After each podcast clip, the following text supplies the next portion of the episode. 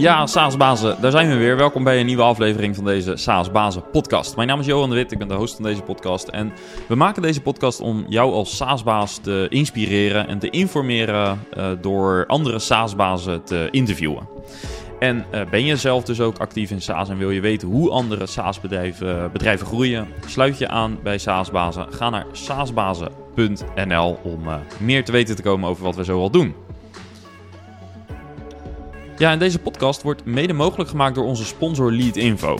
Met Leadinfo identificeer je anonieme zakelijke websitebezoekers en dat is heel eenvoudig. Koppel Leadinfo aan je website en kijk in een eenvoudig dashboard uh, welke bedrijven er op jouw website zitten en op welke dag ze dat doen, hoe vaak ze terugkeren, welke pagina's ze bekijken en ga zo maar door. Bovendien zie je ook gedetailleerde browseactiviteit van je bezoekers. Kortom, het is een geweldige aanvulling op je website als je een B2B SaaS-oplossing hebt. Ga naar leadinfo.com slash saasbazen voor meer info. Ja, en naast Leadinfo is er ook een andere sponsor en dat is Webs. Webs helpt SaaS-bedrijven met HubSpot en je hebt hen al een paar keer eerder gehoord als je vaste luisteraar bent van deze podcast.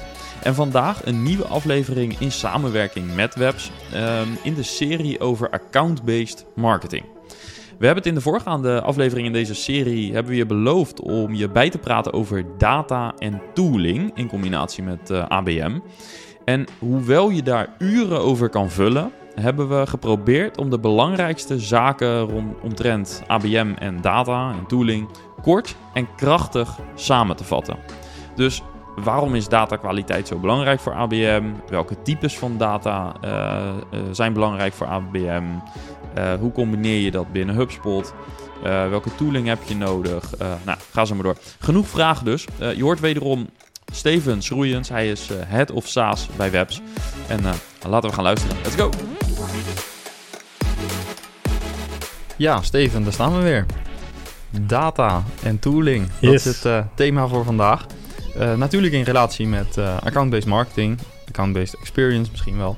En we hebben in de vorige aflevering, die ging over, ja, over mensen, over team, over alignment, hebben we aan het eind iets beloofd. En dat is antwoord op de vraag: wat maakt een target account list een goede target account list? Dus het valt een beetje koud natuurlijk met de deur in huis. Heb je de vorige aflevering niet beluisterd, klik dan even in de show notes. Want eh, daar staat een linkje naar de vorige aflevering waar ik eh, nu naar refereer. Um, en daar hoor je dus ook uh, iets over Target Account List. Um, dus Steven, zullen we die vraag maar eens gaan beantwoorden? Wat Ja. maakt een Target Account List een goede? Er zijn twee dingen die je kan doen. Hè. Dat is de vraag stellen, hoe is die target account lijst tot stand gekomen? En het tweede is, uh, heb je een goed model om die target accounts binnen die lijst te gaan segmenteren in drie tiers? Mm, eerste vraag, hoe is die tot stand gekomen? En wat je vaak ziet, is dat je puur op een ICP-fit uh, een target account lijst gaat samenstellen. Uh, dus mijn ICP is die industrie, in die geografie, uh, dat zijn zoveel bedrijven, hier is onze target account lijst. Wat je eigenlijk moet gaan doen, is onderliggend naar historische sales data gaan kijken. Je moet gaan kijken welk van die deals performen het best. Dus welke hebben de beste win rates, uh, de kortste sales cycles, moet ik het minst kort ingeven, hebben achteraf de hoogste NPS-score. Want dat is het type van klanten waar je er meer van wilt. Die gaan automatisch renewen en die ga je, daar ga je veel makkelijker aan kunnen, kunnen upsellen. Um, en, en, en, en, van zodra dat je die groep hebt, ga je kijken onderliggend van wat hebben die allemaal gemeenschappelijk. Uh, en, uh, en dat, dat kan zo simpel zijn als een firmographic, maar dat kan ook dieper gaan en complexer gaan. Ik geef één voorbeeld vanuit mijn verleden bij Datalon. Um, Datalon is een, een plugin binnen Adobe Illustrator waar dat je charts mee kunt designen.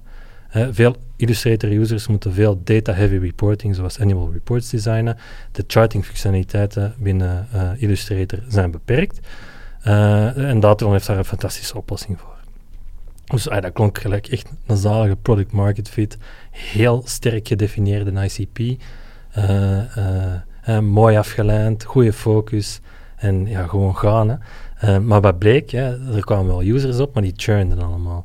Um, en uh, en, en, dat kwam omdat het heel belangrijk was dat niet enkel dat ze charts in Illustrator designde, eh, en dat ze eh, data-heavy reporting moesten maken, maar vooral de frequentie waaraan ze dat moesten doen. Eh, designen ze wekelijks? designen ze maandelijks? Of hebben ze die plugin eigenlijk maar één keer per kwartaal nodig? Of annual dus. Dus annual reporting is in die zin niet zo interessant. Het gaat meer om weekly reporting dus.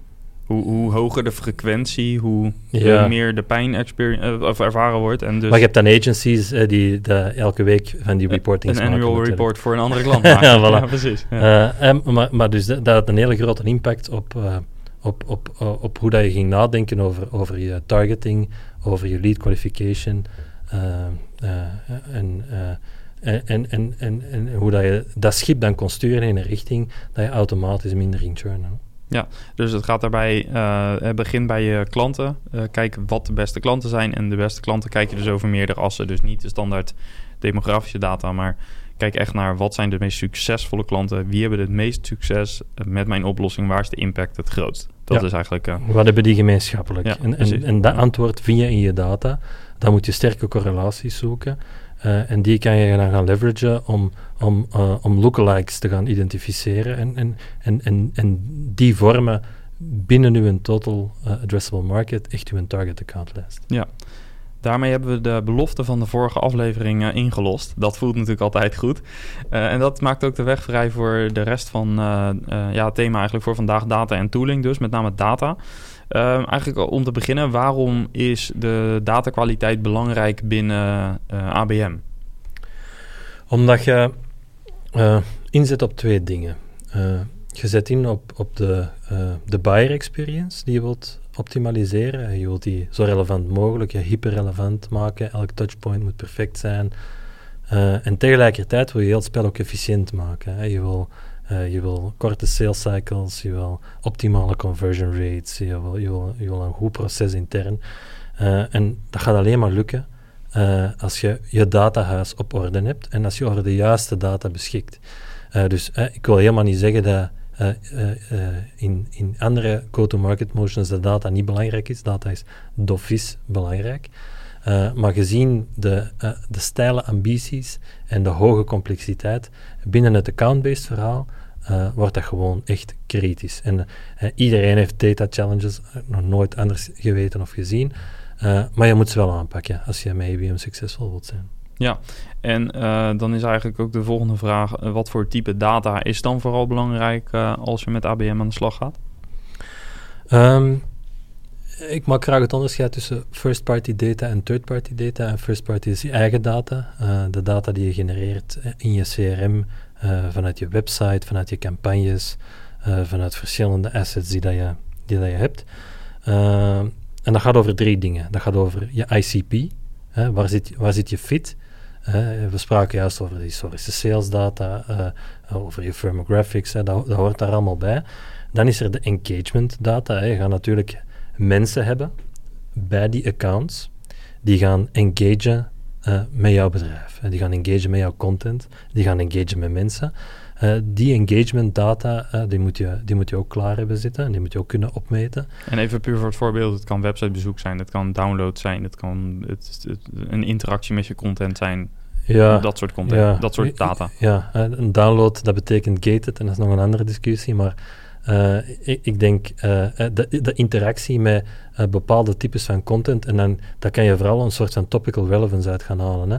Eh, nee, ik zie bijvoorbeeld dat eh, eh, eh, vanuit het bedrijf SaaS-bazen er heel veel interacties met, met onze ABM-content. Dus ik weet dat, dat er een engagement is, dat er een intent is op, op de topic ABM.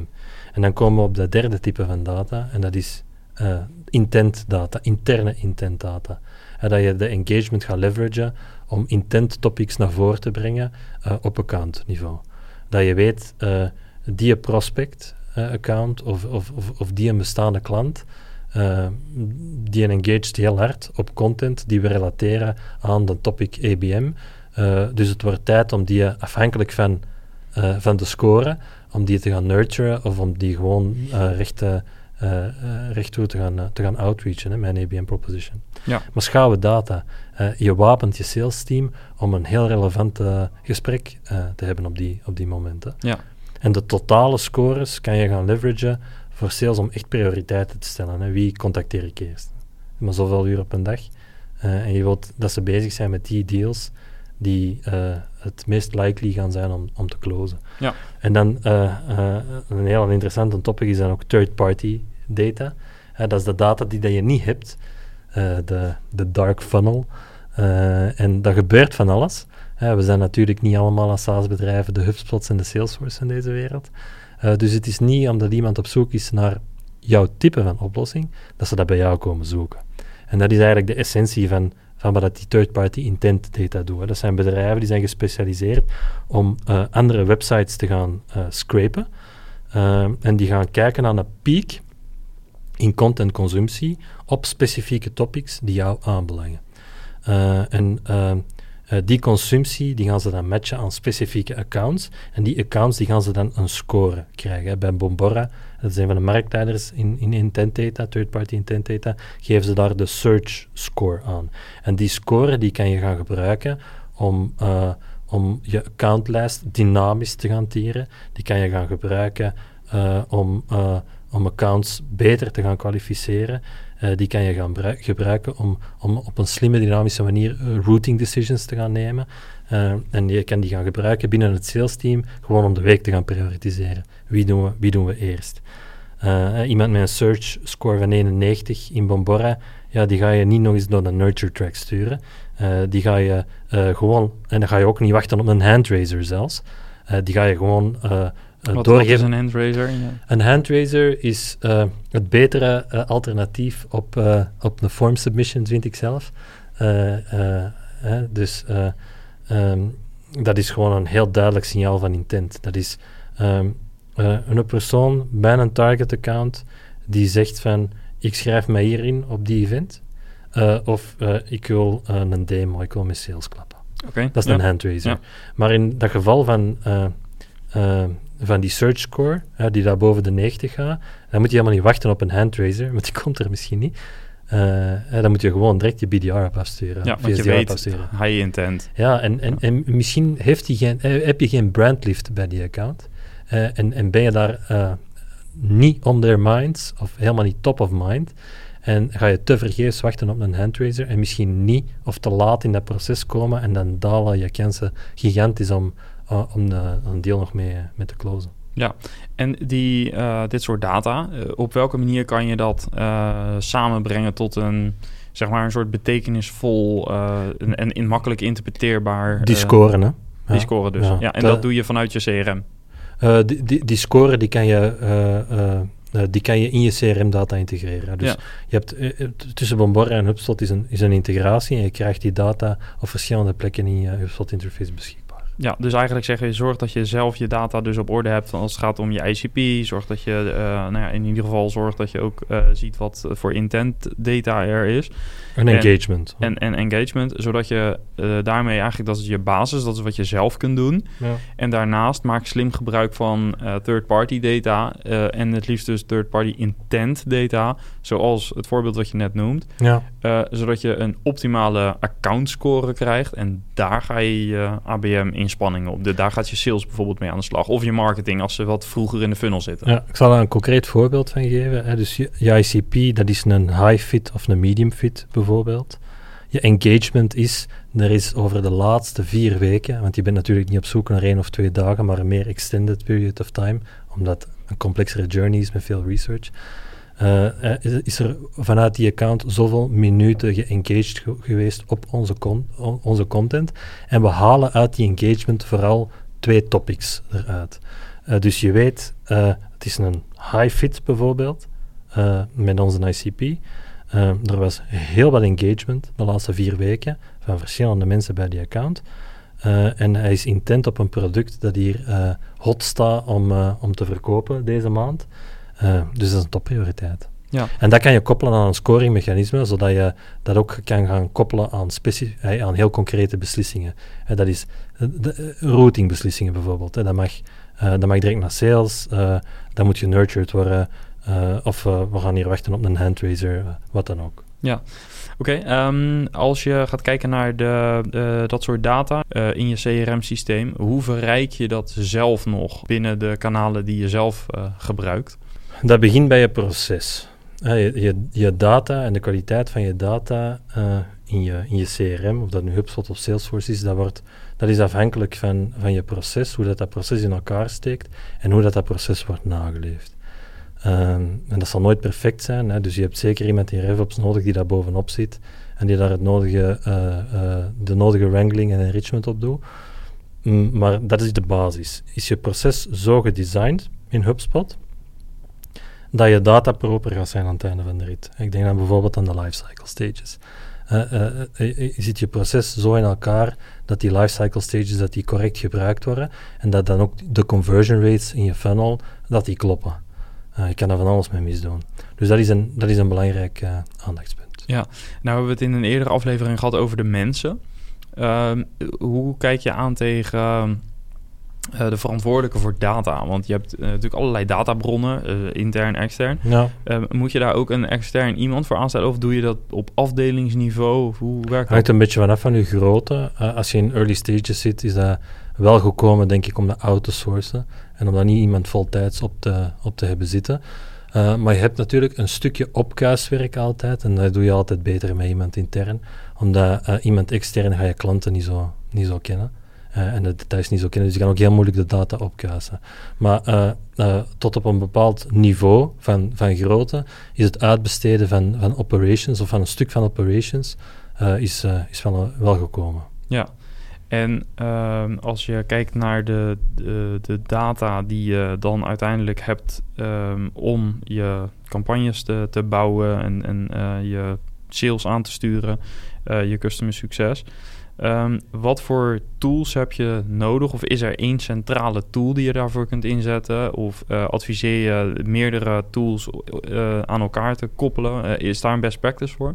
Ja, ik denk dat je altijd moet streven naar, naar drie dingen.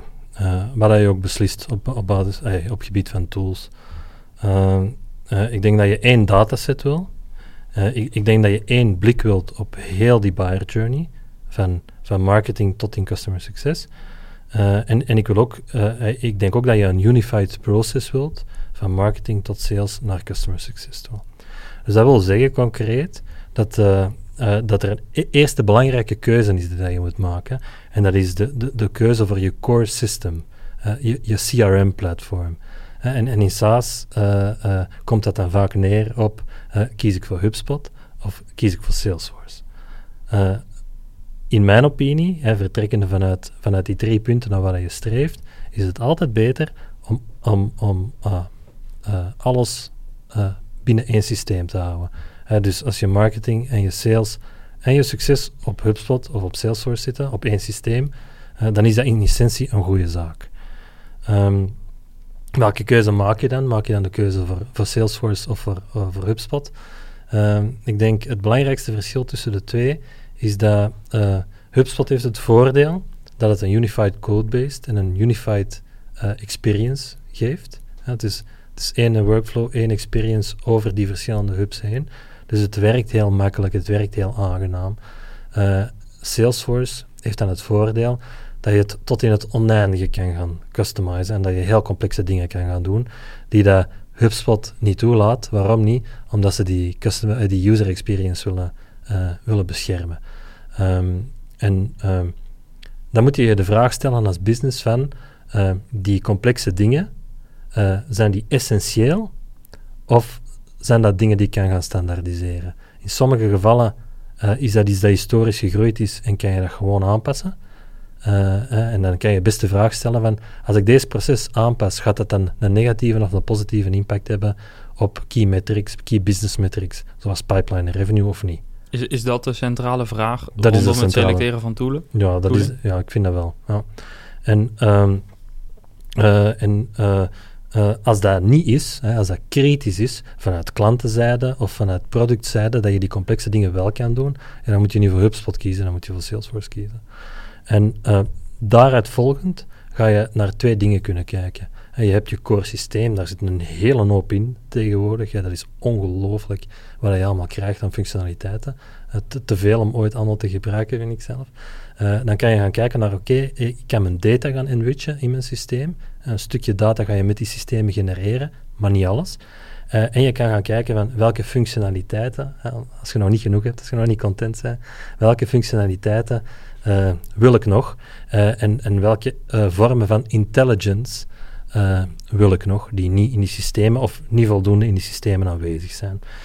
En um, en dan heb ik een vragenlijstje dat ik mezelf afga als ik, als ik me die vraag stel, standaard. Dat is één, haal ik nu al het maximum uit mijn core system, welk systeem het ook is. Uh, is er een goede integratie voorhanden uh, met die extra tooltjes die ik wil inpluggen? Um, is er veel overlap in functionaliteiten uh, met mijn core system? lees, ga ik alles dubbel betalen of ja. niet? en gaan die extra's die ik dan wel krijg, gaan die topline of inefficiëntie, wat mijn twee hoofdstreefdoelen zijn, gaan die een belangrijk verschil maken.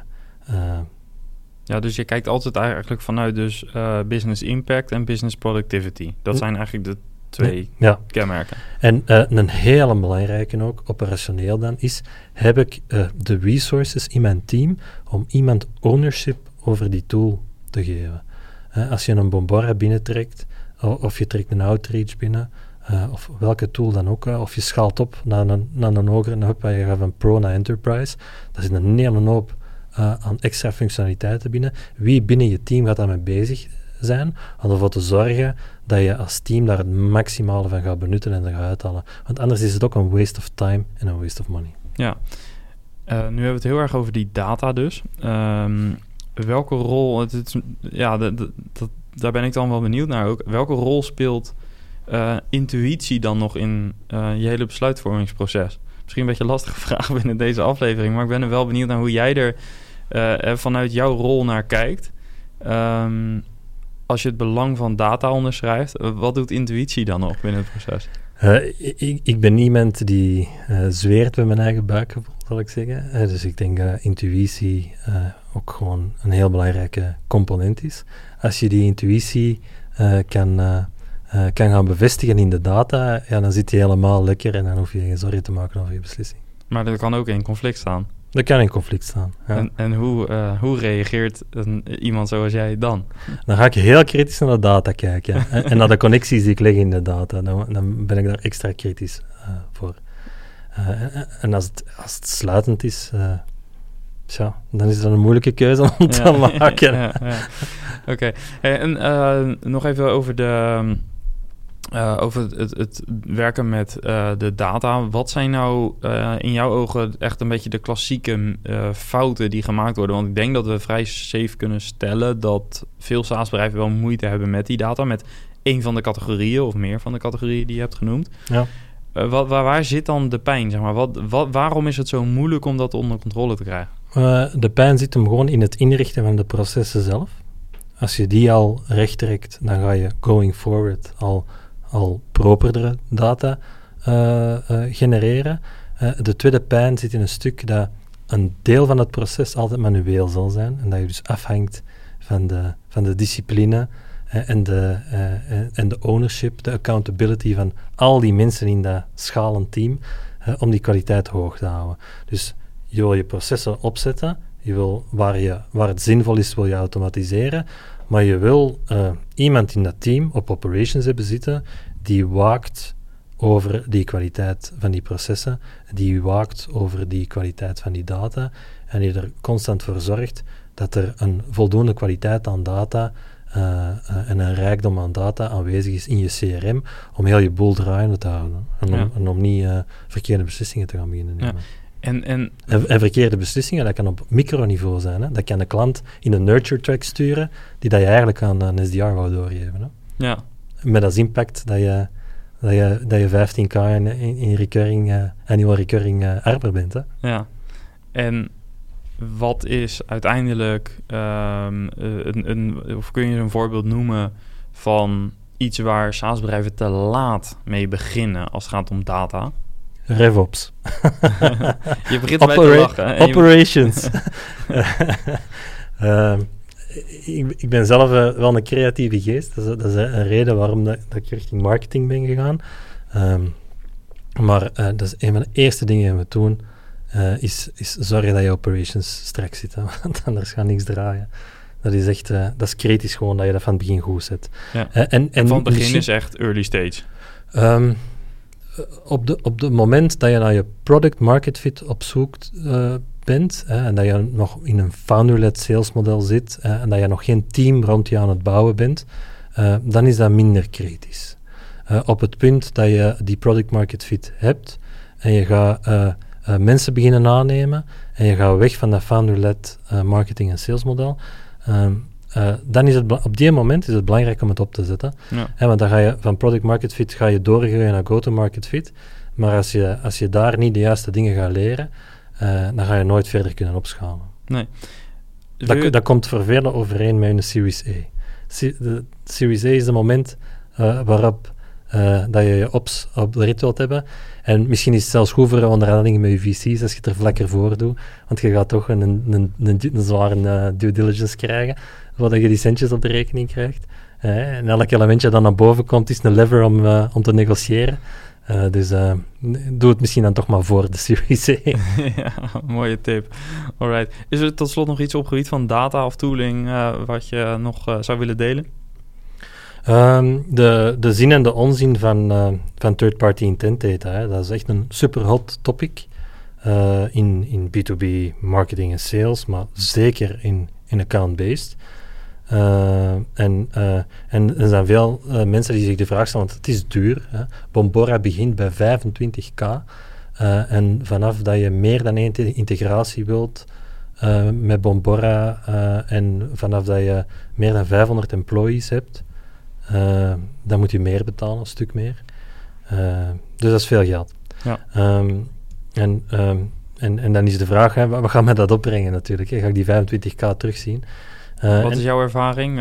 Is, is, daar iets in te ontdekken van bij bepaalde use cases waar het wel interessant Goh, is? Ik ken bedrijven die er heel mooie resultaten mee boeken. Ik heb zelf ook al leuke dingen mee gedaan. Ehm, maar het is geen quick fix. Uh, het is geen quick fix om je eigen datahuis op orde te brengen. Uh, ik doe het liever in die volgorde. Eerst mijn eigen data op orde en dan third-party intent data toevoegen aan de mix. En, en, het is geen quick fix. Uh, en je kan het eigenlijk een beetje vergelijken met, met SEO. Ehm, je hebt tijd nodig om de, om, om de juiste search intent te gaan identificeren. bij SEO is dat ook, hè, welke welke keyword-strategie gaat je aanmeten. En het is één ding om, om traffic binnen te krijgen, organically via SEO, maar, maar wat is dat dan waard? Ja. converteren die wel, hè, performen die wel, die, die leads die je binnentrekt. Het geldt dus voor, hetzelfde geldt voor third-party intent data. Je krijgt dan een hoop intent binnen. Hè. Je hebt weet ik veel, een TAM van, van, van, van 10.000 bedrijven. En ineens is daar uh, eh, 70% van intent. Ja. ja. wat gaan we daar in godsnaam mee doen? Ja, ja, hoe ga je het prioritiseren? Dus uh, dat is ook gewoon een zoektocht die je moet doen. Uh, en, en waar je de tijd aan moet geven. Dus daar rendeert niet van op datgene. Het is niet voor niks dat Bombora een commitment van 24 maanden vraagt in een pricing model. Dat is omdat je wel even tijd nodig hebt om het op de rit te krijgen. Um, maar er zijn gelukkig alternatieven voor mensen die dat geld niet kunnen of niet willen uitgeven, die niet zeker genoeg zijn dat het gaat renderen. Uh, een heel sterk demand gen programma uh, op, uh, op social, op LinkedIn bijvoorbeeld, of in communities. als je een MarTech of een SalesTech vendor bent, in, in communities zoals Pavilion. Ja. van die platformen, van die peer-to-peer platformen, review platformen zoals G2, die je zelf ook intent data aanreiken als je daarvoor betaalt. Dat zijn fantastische dingen die je kan inzetten uh, om uh, gewoon zwaar inzetten op customer happiness. Dat klinkt als zo'n cliché, maar word of mouth is, is gewoon key. Dus zelfs al investeer je niet rechtstreeks in die communities, jouw klanten zitten wel in die communities. Uh, en als je die super happy maakt, en, en die zijn bereid om jou aan te raden als die vraag in je Slack-channel of in je LinkedIn-groep komt, dat, dat zodat je een, een, een vliegwiel op, aan zich gaat, uh, ga, ga creëren. Hè. Um, voor ons bij Webs is dat heel specifiek uh, de, uh, de partner directory van HubSpot. En dat is een search engine op zich. Hè. Wij ranken eerst als HubSpot partner in België, in Nederland en in Duitsland. Dat is fantastisch, hè? Eh, mensen gaan naar die directory kijken, Ja. zien al die reviews. We hebben de meeste reviews, hoogste score. eh, en, en je krijgt zo leads binnen. Hè. Eh, eh, eh, Privy, hè, dat is een, een- app voor Wix en voor Shopify. Ja, Meeste reviews op Shopify. Ja, dat staat top of the fold op hun website. Hè, en overal in de marketing. Most reviewed app eh, in de Shopify App Store. ja dat is een Ja. fijne propositie. ja, en dat is, dat is, Ja. eh, dat is word of mouth. Hè. Ja. Dat, is, dat is de kracht daarvan. Hè. ja. Ehm, ehm, en ehm, ja, dat is. eh, eh, dat, dat, dat zijn dan dingen waar dat jij op kan inzetten eh, om vergelijkbare effecten als die, als die third-party intent data eh, te genereren. En als je, als, je er niet, als je nog niet top of mind bent bij persoon X van je target account, eh, dan is het de bedoeling dat hij het van iemand anders hoort die jou gebruikt. En dan kan je van onder helemaal naar boven ineens. Zonder dat je third-party intent data daarvoor nodig hebt. Ja. Het is dus een hele strategische aanvliegroute om met dit soort data om te gaan. Dat, dat is duidelijk. Ja. Ehm, ik wil je heel erg bedanken voor eh, het eh, delen van eh, deze kennis. In de, ja, we zullen zorgen dat in de show notes iets terecht komt als een linkje Ja, naar de resources. En ja, nogmaals dank voor het delen van deze kennis. Jij ook bedankt voor je tijd. Het, was, een, het waren leuke en, en boeiende gesprekken. Ja. Ik denk dat we nog wel even zou kunnen doorgaan. dat gaan we ook ongetwijfeld doen. Top, dankjewel. Right.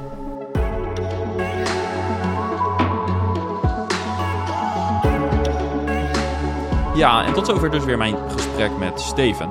En eh, ja, we hebben het in de vorige afleveringen dus gehad over ABM. En eh, ook vandaag weer eh, gesproken over ABM, over data, het belang van data. Hoe richt je dat nu precies in? En ik kan me voorstellen dat je daar wellicht aanvullende vragen over hebt. Wil je in contact komen met Steven om die vragen te bespreken? Check dan eventjes het linkje in de beschrijving van deze aflevering. Want Daarin eh, kun je gelijk op LinkedIn met hem connecten. Heb je een vraag aan ons, aan Saasbazen? Laat even een berichtje achter op saasbazen.nl. En eh, vergeet niet om ook eens een eh, meetup te bezoeken. Dat doen we elke twee weken op woensdagmiddag. En daarin sta je ook rechtstreeks in contact met andere Saasbazen. En neem je live deel aan het gesprek. Goed, eh, dat was het voor nu. Tot de volgende keer. Ciao.